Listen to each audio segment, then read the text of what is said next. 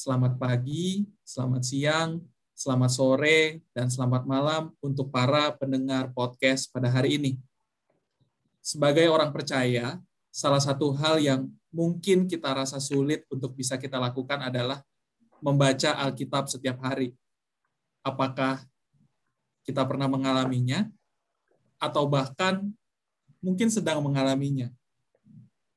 Mungkin juga kita sebenarnya tahu betapa pentingnya membaca Alkitab. Kita juga sebenarnya rindu untuk bersekutu dengan Tuhan setiap hari. Tetapi kita tidak tahu bagaimana cara memulainya.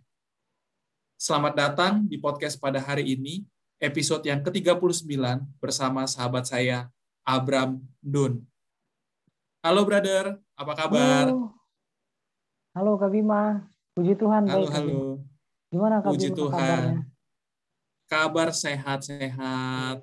Gimana keluarga di rumah? Aman semua sehat? Sehat semua. Istri, anak-anak, saya juga. Semua orang tua. Puji Tuhan sehat Kak. Puji Tuhan semuanya dalam keadaan yang baik ya. Oke, jadi gini nih ceritanya nih para Hmm. pendengar. Pada saat eh, ide dari episode ini lagi dirancang, lagi dibuat, saya udah kepikiran mau ngajak orang ini untuk eh, membahas apa yang akan dibahas nih di episode kali ini. Kenapa sih orang ini jadi seperti apa ya? Apa yang ada di pikiran saya gitu ketika ngebayangin tentang membaca Alkitab. Nah, boleh nggak nih brother kenalkan kepada para pendengar nih siapa sih Abram Dun itu? Oke. Perkenalkan nama saya Abram, nama lengkap saya Abram Yehezkiel Aditya Ndun. Biasa dipanggil Abram atau Ndun, sesuai dengan marga saya. Lalu saya tinggal di Jakarta, saya punya seorang istri dan tiga orang anak. Yang satu perempuan, yang dua-dua terakhirnya adalah laki-laki. Saya melayani sebagai full time pendeta pertama di Gereja Suara Kebenaran Injil SLCC Jakarta di Kelapa Gading.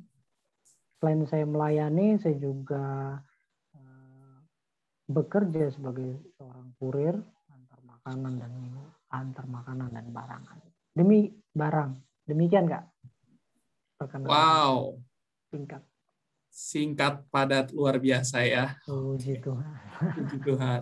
Nah, kalau eh, saya nih kan eh, udah kenal nih ya sama Abram nih ya, Hmm. udah sempat beberapa kali juga ketemu, pernah juga pelayanan bareng gitu ya. Ya. Nah, kebetulan saya juga follow nih Instagramnya Abram nih. Kak. Nih sekalian promo nih ya kepada para pendengar coba abis ini di follow ya at Abram Dun gitu ya. Jadi coba nih abis ini di follow. Nah kalau dari postingan Instagramnya nih, eh, postingan Facebook juga kayaknya ya tiap hari Ya. kayaknya eh, connect soalnya ya. Di postingan itu saya tuh baca ada hashtag yang tulisannya Ayo baca Alkitab sama hashtag pesan kuat. Betul sekali. Betul sekali ya. Nah, sebenarnya maknanya apa sih eh, hashtag itu tentang Ayo Baca Alkitab dan hashtag pesan kuat itu sebenarnya artinya atau maknanya apa sih, Brother? Sebenarnya makna daripada hashtag Ayo Baca Alkitab dan pesan kuat adalah eh, sebenarnya saya sedang mengajak eh, orang-orang yang percaya kepada Yesus Kristus tentunya sebagai Tuhan dan Juru Selamat yang mau kenal dia lebih lagi, ayo baca Alkitab. Karena tanpa kita membaca Alkitab, kita nggak akan pernah kenal siapa yang kita sembah, dia benar-beneran Tuhan atau dia cuman bohong-bohongan Tuhan. Dan kalau hashtag pesan kuat itu sejatinya adalah uh, dari dari hashtag apa yang kita baca, ayo baca Alkitab. Dari setiap pembacaan Alkitab yang setiap hari kita baca, ada pesan-pesan yang kuat di dalam kehidupan kita. Atau uh, biasanya sih ada ada ada ayat-ayat yang membuat kita uh, bisa bisa kuat you know, dalam artian semua ayat firman Tuhan bisa membuat kita kuat tetapi ada pesan-pesan yang yang yang menjadi rema untuk bisa kita lakukan di dalam kehidupan kita hari itu ketika kita baca Alkitab. Seperti itu, Pak. Seperti itu ya. Jadi uh, adalah sebuah seruan gitu ya. Ternyata yes. itu adalah sebuah seruan untuk mengajak orang untuk membaca Alkitab gitu ya. Nah, berarti sebenarnya uh, Abraham juga sadar gitu ya bahwa hmm. banyak orang yang mungkin mengaku orang Kristen, tapi yeah. sebenarnya nggak baca Alkitab juga ya. Betul, banyak banget, banyak banget. Apalagi pelayan Tuhan ya. Ironisnya di situ ya. Ironisnya begitu. Ironisnya di situ betul betul betul. Nah, jadi kalau misalnya nih eh, Abram suka nih untuk eh, mengajak orang untuk membaca Alkitab, ayo baca hmm. Alkitab, dan setelah mendapatkan ah setelah membaca itu mungkin teman teman-teman juga akan mendapatkan pesan-pesan kuat gitu ya, pesan-pesan kuat dan akhirnya pesan kuat itu yang dibagikan melalui postingan di Instagram, melalui Facebook yang dibagikan setiap harinya. Oke, nah kalau boleh tanya gitu ya, ataupun hmm. kalau misalnya ada cerita atau pengalaman pribadi, boleh di-share juga nih. Kenapa sih membaca Alkitab itu menjadi sesuatu yang apa ya, punya makna yang penting sekali, bahkan okay. disuarakan setiap hari melalui hashtag-hashtag itu menjadi sesuatu yang kayaknya mendesak sekali. Ada nggak okay, kisah atau cerita di balik itu? Sebenarnya kisahnya adalah itu terjadi di tahun 2017. Itu okay. jadi uh, saya saya uh, saya kembali ke beberapa puluh tahun yang lalu ketika di tahun 2009 saya uh, memutuskan untuk bertobat di apa di masa-masa itu di tahun 2010 saya masuk teologi lalu berjalannya waktu kok uh, saya kembali lagi uh, melakukan hal yang tidak berkenan di hadapan dan 2013 saya 2012 saya 2012 2013 menikah dan pernikahan saya itu agak kurang baik dikatakan demikian. Nah, di hmm. tahun 2017 Eh, di tahun 2000 eh sorry di tahun 2015 itu saya bertemu dengan uh, seorang hamba Tuhan yang uh, menjadi kakak sepupu saya. Jadi kakak sepupu saya itu dia mengajak ayo kembali lagi melayani ayo kembali lagi sekolah. Dan di tahun itu perlu butuh waktu satu tahun. Di tahun 2016 saya meresponi apa yang dia panggil apa yang dia sarankan ke saya tahun 2016 dan ketika saya terus mengikuti uh, ibadah terus ketika mengikuti firman Tuhan yang saya dengar hampir di sana di tahun 2017 saya memutuskan untuk dipulihkan pernikahan saya. Pernikahan saya dipulihkan di tahun 2017 eh, dengan segala macam eh, masa lalu yang kelam saya bersama dengan istri 2017 itu memutuskan untuk dipulihkan Agus, eh, Agustus nah, tahun 2017 itu tanggal 20 saya masih masih ingat sekali sampai hari ini dan di di di tahun itu juga kebetul bukan kebetulan sih di gereja yang saat ini saya melayani di tempat uh, kakak sepupu saya yang menjadi gembala itu uh, Dr. Paulus almarhum Paulus Sugiarto almarhum, di sana ada yang namanya program Ayo Baca Alkitab. Program Ayo Baca Alkitab secara kronologis. Oh, bagi saya seorang eh, saya sebagai pribadi yang sama sekali tidak suka membaca, sama sekali tidak suka membaca, pada saat itu tertantang eh, untuk membaca Alkitab secara kronologis selama satu tahun.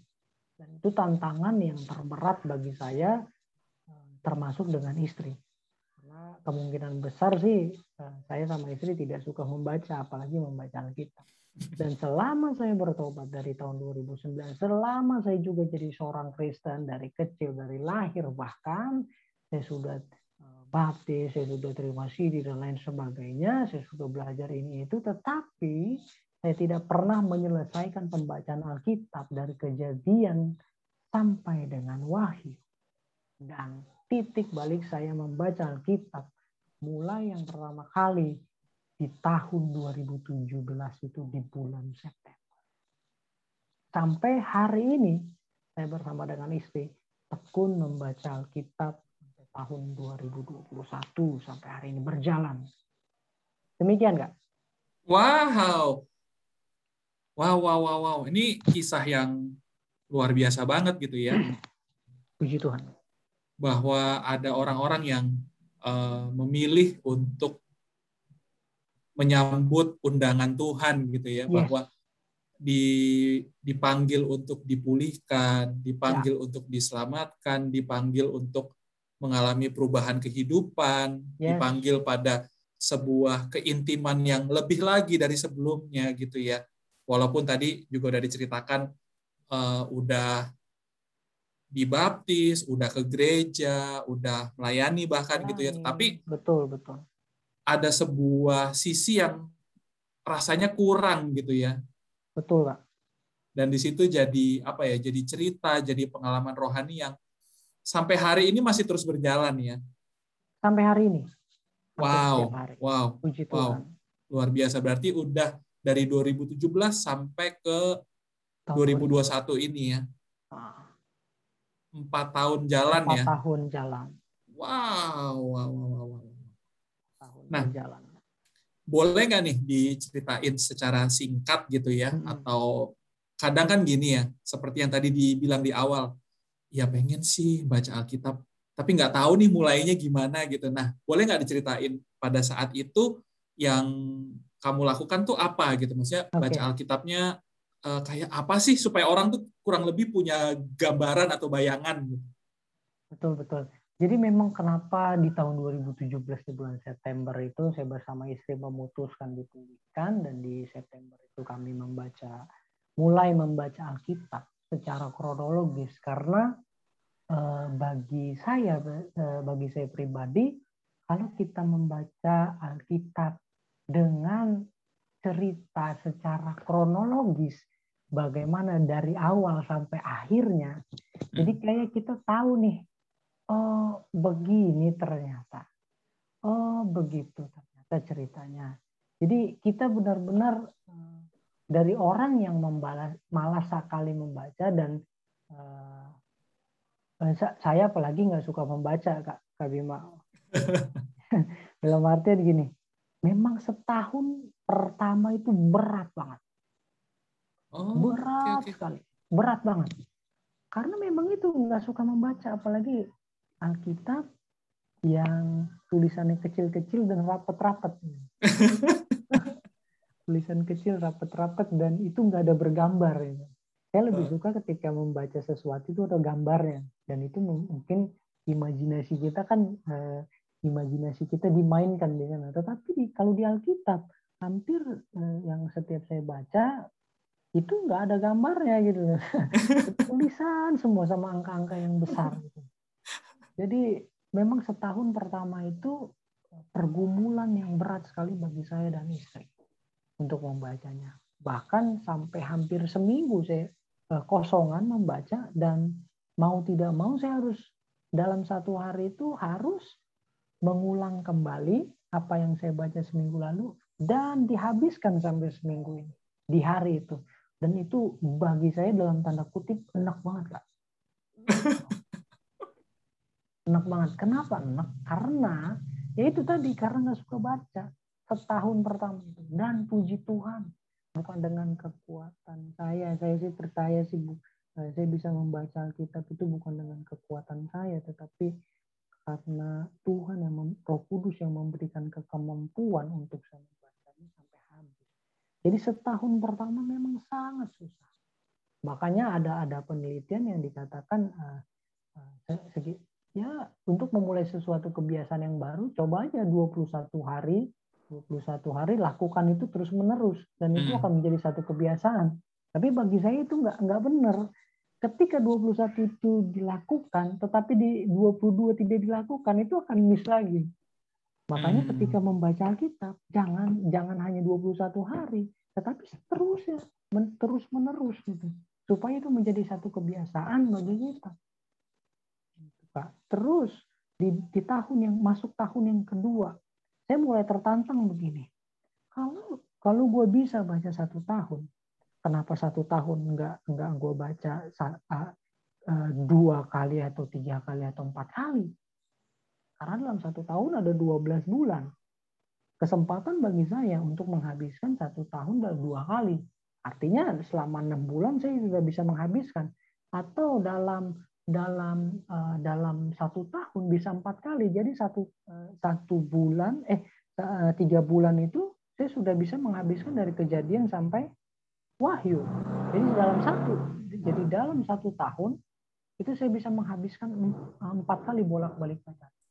Dan puji Tuhan uh, dari tahun 2017 sampai hari ini ini adalah tahun ketujuh saya kak membaca Alkitab secara kronologis. Wow. Seperti itu. Berarti udah ini ya, udah firman Tuhan udah jadi bagian dari kehidupan gitu ya, bukan cuman uh, apa uh, aktivitas harian gitu ya. Seharusnya demikian sebagai seorang yang percaya, seorang yang mempercayai Yesus sebagai Tuhan dan Juru hmm. Selamat, seharusnya demikian dan sebagai seorang hamba Tuhan. Nah, ini bagi para hamba Tuhan ini. Semua hamba-hamba Tuhan mau eh, mau dia pendeta kah, mau dia evangelis kah, mau dia gembala kah, mereka harus baca setiap hari. Iya, setuju, betul, betul, betul, betul. Nah, kalau balik tadi ya ke kisahnya gitu ya, sebenarnya apa sih yang membuat Abram tuh kayaknya perlu baca Alkitab deh. Maksudnya ya. tadi kan udah diceritain tuh kayak hmm. uh, ada program gitu. Nah, tapi kan ada orang-orang yang ya program gereja ah kayaknya seru sih tapi ah nanti-nanti dulu deh gitu. Apa sih kira-kira yang membuat uh, okay. Abram tuh kayak tertarik mau mencoba karena kan kadang orang tuh uh, apa ya? Ya tahu sih bagus sih, iya hmm. sih bener sih gitu tapi kira-kira hari itu tujuan kuat apa yang membuat Abram tuh mau melangkah? Satu ayat firman Tuhan di dalam 2 Timotius 3 ayat 16 dikatakan gini, Kak. Segala tulisan yang diilhamkan Allah memang bermanfaat. Yang pertama untuk mengajar, yang kedua untuk menyatakan kesalahan, yang ketiga untuk memperbaiki kelakuan, dan yang keempat untuk mendidik orang di dalam kebenaran. Jadi segala tulisan yang ditulis sama manusia tetapi yang diilhamkan sama Allah, hmm. dinafaskan sama Allah, ya, diinspirasikan oleh Allah di dalam tulisan tersebut, itu mengajarkan kita empat hal tersebut. Yang pertama, mengajarkan kita bermanfaat untuk mengajarkan. Mengajarkan hal apa? Mengajarkan hal-hal tentang kebenaran. Yang kedua untuk menyatakan apa yang salah. Karena di dalam setiap kebenaran firman Tuhan ada hal-hal yang eh, ada hal-hal yang eh, kita tahu itu menyenangkan Tuhan atau tidak. Ada hal-hal yang yang kita bisa belajar dari setiap tokoh-tokoh di Alkitab apa yang apa yang membuat mereka melakukan kesalahan dan Tuhan jauh daripada mereka. Dan yang ketiga dikatakan untuk memperbaiki kelakuan. Artinya bukan hanya menyatakan apa yang salah, tetapi dia juga memperbaiki kelakuan kita. Jadi kalau hmm. dulu kita eh, kalau dulu kita melakukan hal oh bagi kita nggak apa-apa lah dosa-dosa kecil gitu ya. dosa-dosa apa bohong-bohong kecil ternyata di Alkitab tuh nggak ada dosa-dosa kecil nggak ada apa apa nggak ada bohong-bohong yang kecil gitu nggak ada ternyata ketika kita baca Alkitab dengan saksama dosa ya dosa nggak ada dosa-dosa kecil nggak ada dosa untuk pembenaran itu namanya lu bela diri untuk berbuat kejahatan untuk berbuat dosa makanya dikatakan ketika dia bermanfaat untuk mengajarkan kita tentang kebenaran dia akan menyatakan kepada kita bahwa ada yang salah selama ini hidup kita ketika kita baca Alkitab dan yang ketiga dia katakan memperbaiki kelakuan kita. Setelah dia menyatakan kesalahan, dia memperbaiki kelakuan-kelakuan kita. Jadi ketika kita belajar tentang kesalahan, kita akan belajar untuk memperbaiki kesalahan tersebut dengan kelakuan yang baik. Kelakuan yang sesuai dengan kehendak Tuhan. Dan yang terakhir, mendidik orang di dalam kebenaran. Artinya gini Kak, bukan hanya bermanfaat untuk mengajar, untuk menyatakan kesalahan, untuk memperbaiki kelakuan, tetapi mendidik kita. Permasalahannya adalah orang-orang percaya ini mau dididik atau tidak. Hmm. Mereka cuma, sorry, sorry itu sih bahwa uh, mereka mungkin hanya mau mengajar, tetapi nggak mau diajar. Hmm. Mereka hanya mau mendidik orang, tetapi nggak mau dididik sama firman Tuhan. Makanya perlunya hamba-hamba Tuhan, perlunya pelayan-pelayan Tuhan membaca Alkitab supaya mereka dididik dalam di dalam kebenaran. Saya berbicara gini bukan saya sudah bolak-balik sampai tujuh kali baca Alkitab ini bukan bukan seorang yang sempurna, bukan. Saya juga masih belajar sampai hari ini saya masih belajar untuk memperbaiki kesalahan-kesalahan masa lalu, untuk memperbaiki kelakuan-kelakuan saya yang melenceng daripada kehendak Tuhan dan untuk mendidik saya secara pribadi di dalam kebenaran. Karena firman Tuhan katakan uh, apa orang yang berjalan di dalam kebenaran itu akan memerdekakan dan keben, kebenar apa apa firman Tuhan itu adalah yang memerdekakan kita. Firman Tuhan adalah kebenaran. Wow, tadi menarik banget uh, kalimat yang uh, brother pakai hmm. gitu ya bahwa hmm, hmm. enam kali, tujuh kali baca Alkitab itu bukan jaminan bahwa kita tuh orang hebat ya. Yes, betul. Bahwa justru uh, membaca Alkitab itu karena sebuah kerinduan, membaca Alkitab itu karena sebuah kebutuhan gitu ya. Bagaimana kita mau mengenal Tuhan lebih lagi, kita yes. mau uh, belajar lebih lagi, kita mau punya kehidupan yang semakin selaras dengan Tuhan, ingin kenal hatinya, ingin kenal isi hatinya, ingin tahu kehendak dan rencananya gitu ya. betul, ya mau betul. apa ya terhisap gitu di dalam apa yang Allah kerjakan di tengah-tengah yeah. dunia ini ya. Wow. Karena, uh, karena begini kak uh, semenjak dari tahun 2009 sampai hari ini. Saya selalu berdoa gini Tuhan aku pengen dong pengen dong dengar suara Tuhan. Pengen dong dengar suara Tuhan. Karena saya saya dengar dari saya dengar dari kesaksian teman-teman orang-orang yang bersama-sama dengan saya belajar teologi dan lain sebagainya. Kesaksian orang-orang yang mereka secara audible mendengar suara Tuhan. Kok kerinduan itu pengen banget saya mendengar? Mendengar sekali. Pengen Tuhan. Gimana sih suara Tuhan? Apakah dia ngebas-ngebas suara-suara gitu kan? Gagah gitu ya gagah. Gagah gitu kan. Bukan bukan suara yang melenting kayak apa tapi suaranya tuh uh, Tuhan itu kayak ngebas ngebas apa laki-laki yang gentle lah gitu. Yeah, yeah. itu oh, mungkin uh, saya minta gitu Tuhan kayak kayak saya berpikir gitu saya kayak Thomas juga ya. Thomas kan dia bilang kan gini gue kalau belum cucukin tangan gue ke jarinya nggak percaya deh. gue nggak mau percaya. Eh ditongolin gitu. Oh ya apakah gua tahu masih deh selalu minta gitu. Sampai satu ketika ketika baca Alkitab eh, saya ada satu ayat eh, eh, di kitab Ibrani dia dikatakan di ayat yang pertama ayat yang pasal yang pertama ayat yang pertama dan kedua saya bacain gitu setelah pada zaman dahulu Allah berulang kali dan dalam pelbagai cara berbicara kepada nenek moyang kita dengan apa, perantaraan nabi-nabi. Ayat yang kedua. Maka pada zaman akhir ini, iya, Allah telah berbicara kepada kita dengan dengan perantaraan anaknya Yesus Kristus yang telah ia tetapkan sebagai yang berhak menerima segala yang ada. Oleh dia Allah telah menjadikan alam.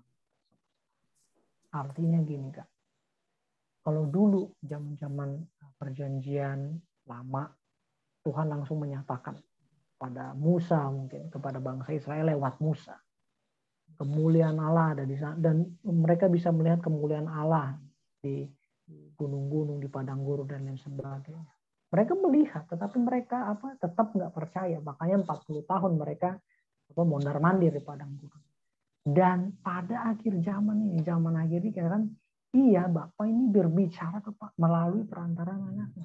Kalau kita mau kalau kita mau dengar suara Tuhan, di situlah saya berdoa. Kalau kita mau dengar suara Tuhan, lu nggak usah dengerin, lu nggak usah ikut eh, apa apa ngikutin kemauan apa ngikutin kesaksian teman-teman lo. Ini yang saya dapat ya. Lo nggak usah ikut-ikutin, nggak usah ikut-ikutan dengar suara Tuhan. Apa kalau teman-teman lo dengar secara audible itu it's good bagi. Tapi lo nggak usah ikutin itu. Lo tinggal baca perantaraan apa lewat mana sih? Ya lewat Alkitab. Karena firman Tuhan yang kita baca dari kejadian sampai wahyu itu selalu berbicara tentang Yesus Kristus. Dan pada endingnya adalah tetap Yesus Kristus. Ketika kita baca Alkitab, ketika kita mau kenal Yesus, ketika kita mau tahu kehendak Yesus sampai mana, ya kita baca Alkitab. Kalau lu pada bilang bahwa gua harus dengar suara Tuhan, ya lu baca Alkitab. Karena di situlah Tuhan berbicara lewat tulisan-tulisan yang diilhamkan oleh Seperti itu. Yes, betul banget gitu ya. Banyak orang ingin punya pengalaman rohani ya, yang betul. wah banget. Kayaknya wah gitu, dengar suara Tuhan, wah banget. Bukan berarti kita bilang itu salah ya, tapi ya, enggak. Tanpa itu pun Tuhan sudah selalu berfirman yes. kepada kita, sudah berbicara kepada kita melalui firman-Nya. Permasalahannya kita mau setia enggak, kita hmm. mau buka enggak perkataannya, isi hatinya. Dan benar banget gitu ya tadi uh, brother juga udah katakan gitu kan bahwa tanpa kita membaca Alkitab tidak mungkin kita membangun pengenalan akan Tuhan. Yes, betul. Yes. Nah, ini ada pertanyaan lagi nih. Mm-hmm. Tadi uh, brother kan cerita tuh di tahun pertama di hari-hari pertama rasanya berat yes, banget. Banget banget. Apalagi tadi gitu ya kalau misalnya ada satu hari yang ke skip gitu ya, kan besokannya berarti kan uh, double. dibaca double gitu ya. Yeah. Apalagi kalau kalau ke skip 2 3 hari, waduh hmm. itu rasanya berat tuh untuk mulai lagi. Nah, Betul. ini mungkin pertanyaannya agak teknis nih gitu ya. Kira-kira brother menyadari pada titik apa gitu ya? Hmm dari yang tadinya berat jadi kayak ih kayaknya pengen lagi deh. Kayaknya jadi kerinduan deh. Jadi kayak sesuatu yang uh, ada nggak tuh momen titik baliknya gitu? Jadi kayak pertamanya mungkin aduh nggak ngerti. Ya udah deh baca dulu. Uh, ya udah percaya aja deh baca dulu dan sebagainya. Tapi di titik mana tiba-tiba itu seperti kayak iya ya.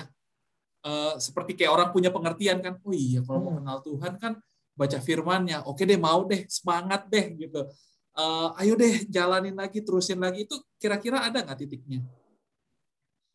Uh, semua pasti ada kak.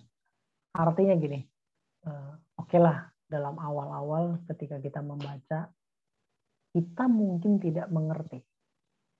Ketika kita hmm. baca pasti ada rasa-rasa malas. Bahkan sampai hari ini pun rasa malas itu ada di dalam diri saya ketika kita, saya membaca Alkitab. Saya sering menunda-nunda, biasanya kalau pagi karena sudah sibuk dan lain sebagainya.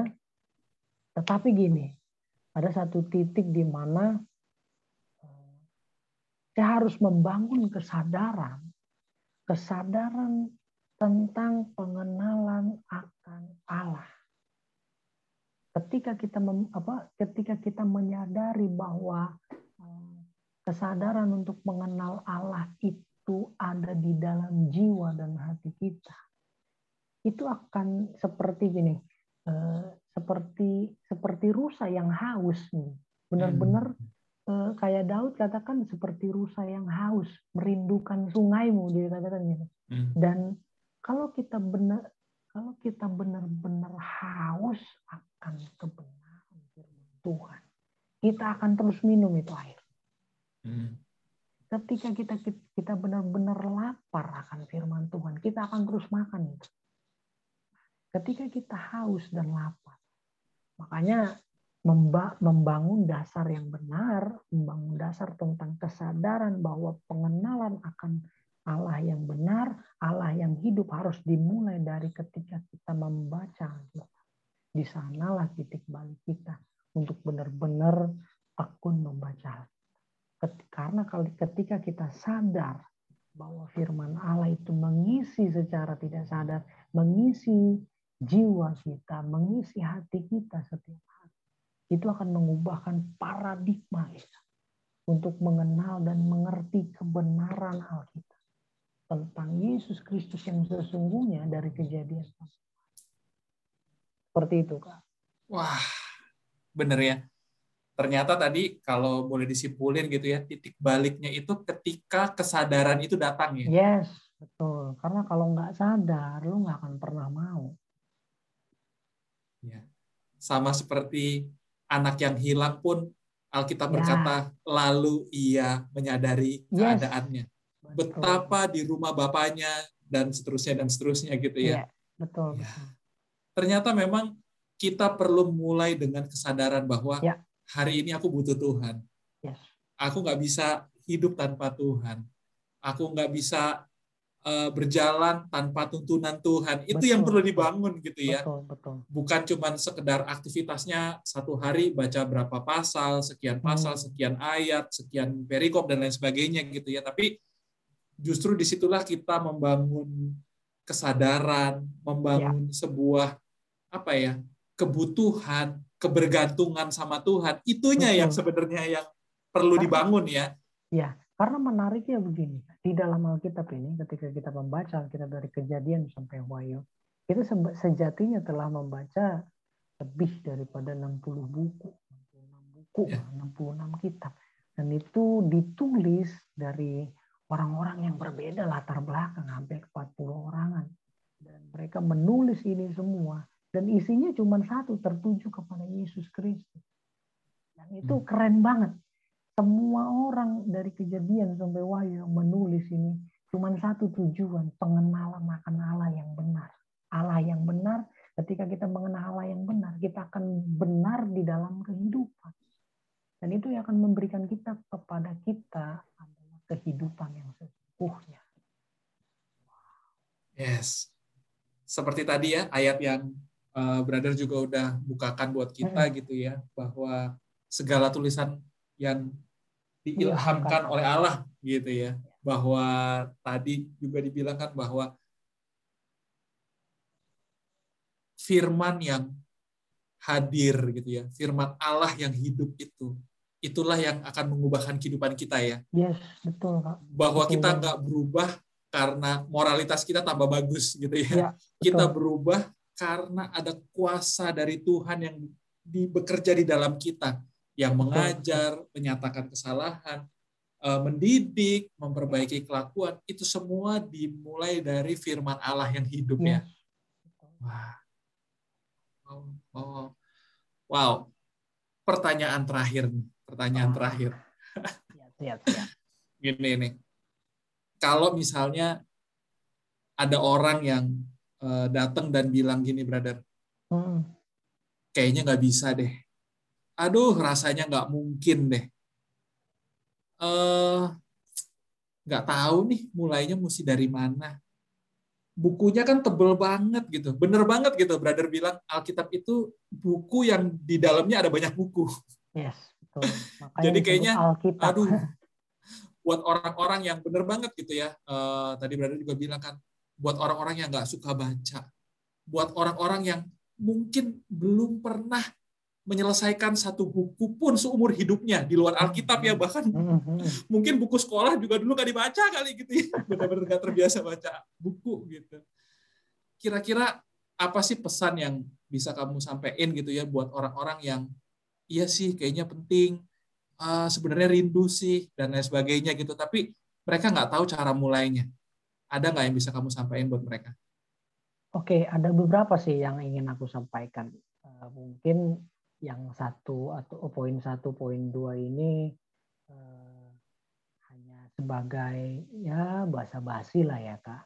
Yang keempat, ketiga atau yang keempat mungkin bisa mungkin lebih memecut orang.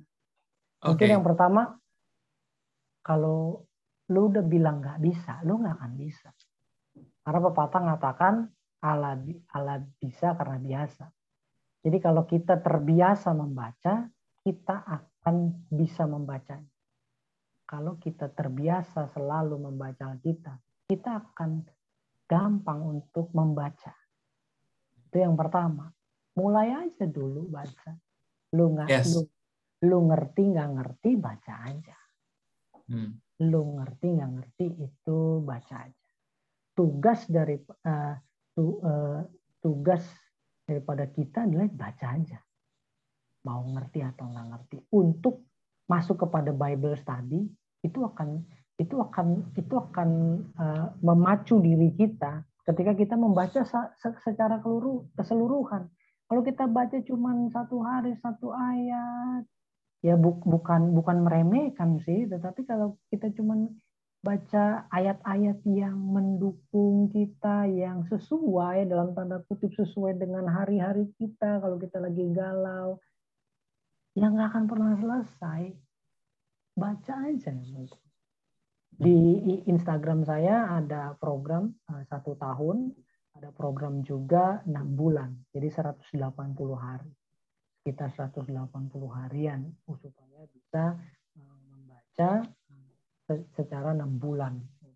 Jadi itu tinggal sekarang media sosial ini banyak. Media sosial ini makanya jangan lihat media sosial yang cuman senang-senangnya aja, tetapi lihat media sosial, media sosial yang yang membantu kita bertumbuh. Gitu. Ya, membangun kita ya. Ya, membangun kita. Jangan cuma ikut-ikutan apa yang hap, apa happening happening sekarang nggak usah lah maksudnya mau kita mau dibangun atau enggak yang pertama yes. sih itu baca aja tuh untuk Bible study nanti aja. Baca aja tuh yang pertama baca.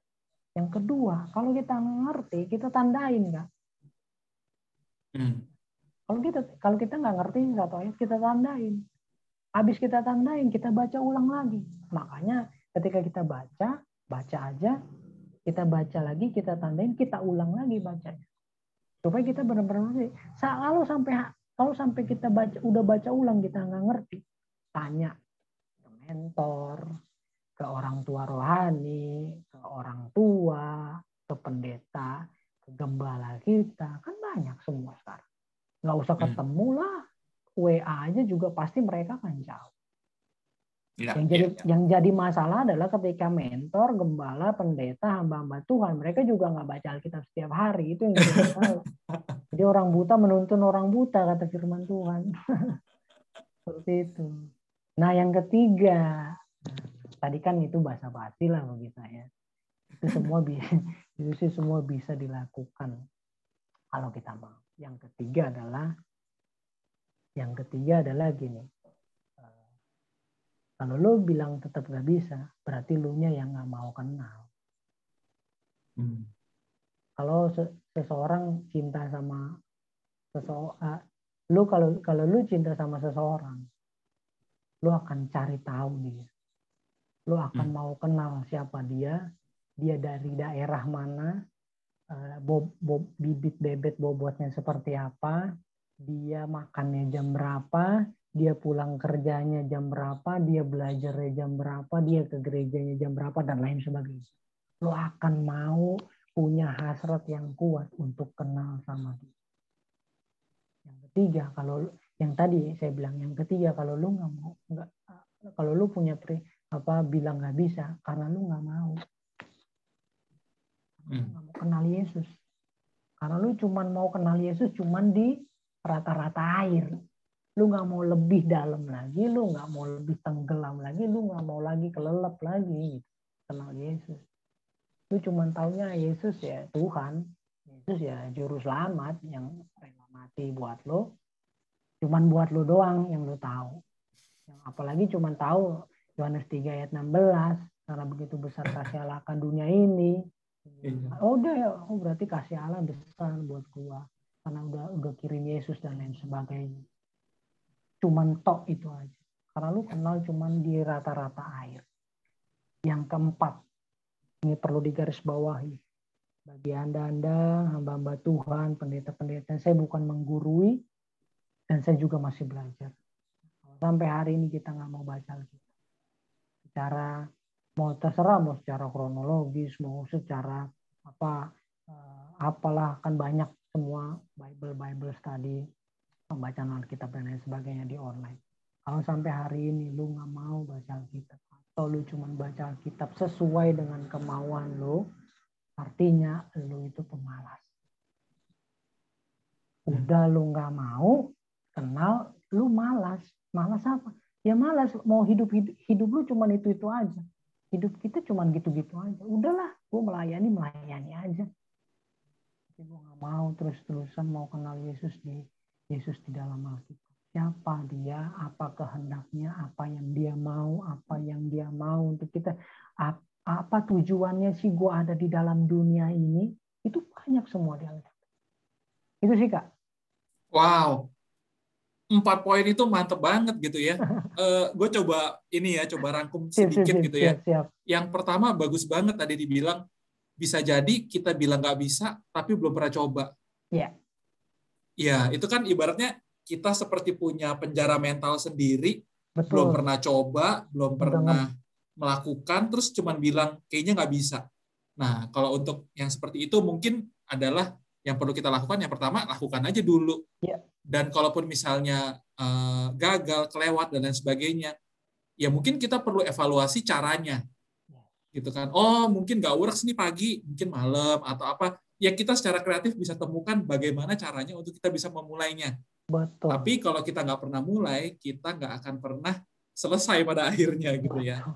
Betul. Betul. Yang kedua adalah bangun kebiasaan gitu kan ya. bahwa kalaupun ada hal yang kita nggak paham, ada hal yang kita nggak mengerti, itu wajar. Karena namanya kita sedang dimuridkan, sedang mempelajari gitu kan.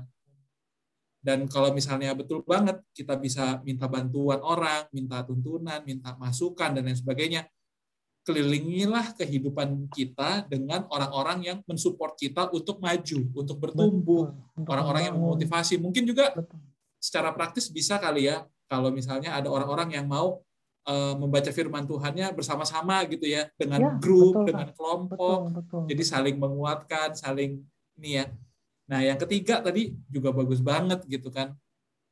Bahwa bisa jadi memang kita nggak baca Alkitab karena kita nggak punya tujuan. Ya. Nggak mau kenal gitu ya nggak nggak ah ya Tuhan sih Tuhan sih tapi kayaknya nggak peduli peduli amat sih gitu kan. Jadi ya kenal syukur nggak kenal ya udah gitu ya. Jadi memang nggak punya tujuan yang kuat atau kalau bahasa yang mungkin bisa kita pakai adalah emang nggak punya komitmen emang sama Tuhan juga nggak komit baca syukur nggak baca ya udah itu kan penggambaran sebenarnya kita nggak punya komitmen gitu kan betul betul dan yang terakhir bagus banget gitu kan tentang kerinduan gitu ya bahwa kalau lagu zaman dulu gitu kalau nggak salah bilang kan love will find a way gitu. Kalau cinta itu kan menemukan jalannya gitu kan. Uh, ya, iya dong. Iya. Kalau orang orang kasmaran kan di umurnya. Iya, kalau orang kasmaran kan bilangnya kan uh, gunung akan kudaki, uh, lautan akan ku seberangi dan lain sebagainya gitu ya. Uh, Tapi itu benar gitu ya. Bisa jadi kenapa kita nggak rela untuk komit sama firman Tuhan. Bisa jadi dasarnya karena gini, kita sama Tuhan tuh nggak cinta-cinta banget. Iya. Yeah. Gue cinta sama berkatnya doang. Aduh. Uh. Gitu ya. Jadi betul, bener sih. Pertanyaannya mungkin bisa dibilang gini ya. Seberapa cinta sih kita sama Tuhan? Iya. Bener, oh, bener, bener. Dalam, dalam, dalam hari ini uh, pada saat take podcast ini gitu ya, gue jadi belajar gitu, jadi yeah. punya perenungan lagi gitu bahwa gue tuh sebenarnya cinta nggak ya sama Tuhan? Salah satu parameternya kan, apakah gue mau kenal Tuhan? Ya. Salah satu parameter berikutnya adalah ya bagaimana kita mengenal Tuhan kalau kita nggak membaca firman Tuhan. Ya.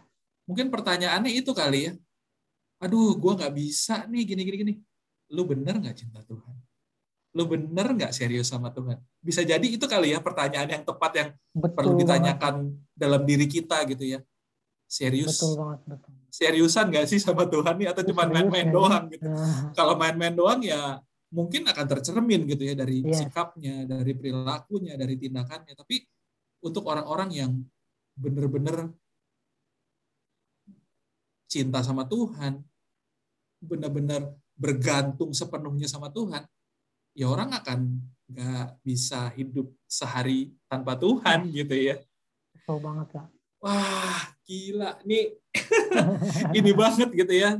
Tiba-tiba pembicaraan-pembicaraan ini tuh jadi mendalam banget gitu ya. Betul, Memang betul, betul. Alkitab, Alkitab itu keren karena dia dia ceritakan tentang se, se, se, se, apa seorang pribadi yang keren banget. Yes. Benar-benar ya. Wow. Tiba-tiba kayak ngerasa ini banget gitu ya. Iya ya, benar juga sih. Bisa jadi emang kitanya sih yang nggak serius-serius banget sama Tuhan. Iya, gitu ya. Kita cuman cuman apa ya? Cuman cuma Kristen yang tahu Yesus Tuhan. Itu. Dan kita cuma pengen terima berkatnya, kalau kita terima berkatnya, kita kesaksian. Tapi kalau kita uh, sengsara karena namanya, kita nggak mau kesaksian. hmm, gitu ya, yes, yes, yes, yes. Jadi uh, mungkin apa yang bisa kita garis bawahi gitu ya dari pembicaraan hari ini adalah membaca Alkitab adalah cara untuk kita mengenal Tuhan. Tingkat keinginan atau kerinduan kita untuk mengenal Tuhan itu sebenarnya tercermin dari seberapa besar kita cinta sama Tuhan, seberapa serius kita sama Tuhan. Karena cinta akan menemukan jalannya ya. gitu ya. ya Oke. Terima kasih sudah mendengarkan podcast pada hari ini. Untuk update informasi, kunjungi Instagram podcast pada hari ini di podcast pada hari ini. Dan apabila ada pertanyaan ataupun respon dari setiap episodenya, kirimkan ke email podcast pada hari ini at gmail.com. Sampai jumpa di episode berikutnya. Tuhan Yesus memberkati.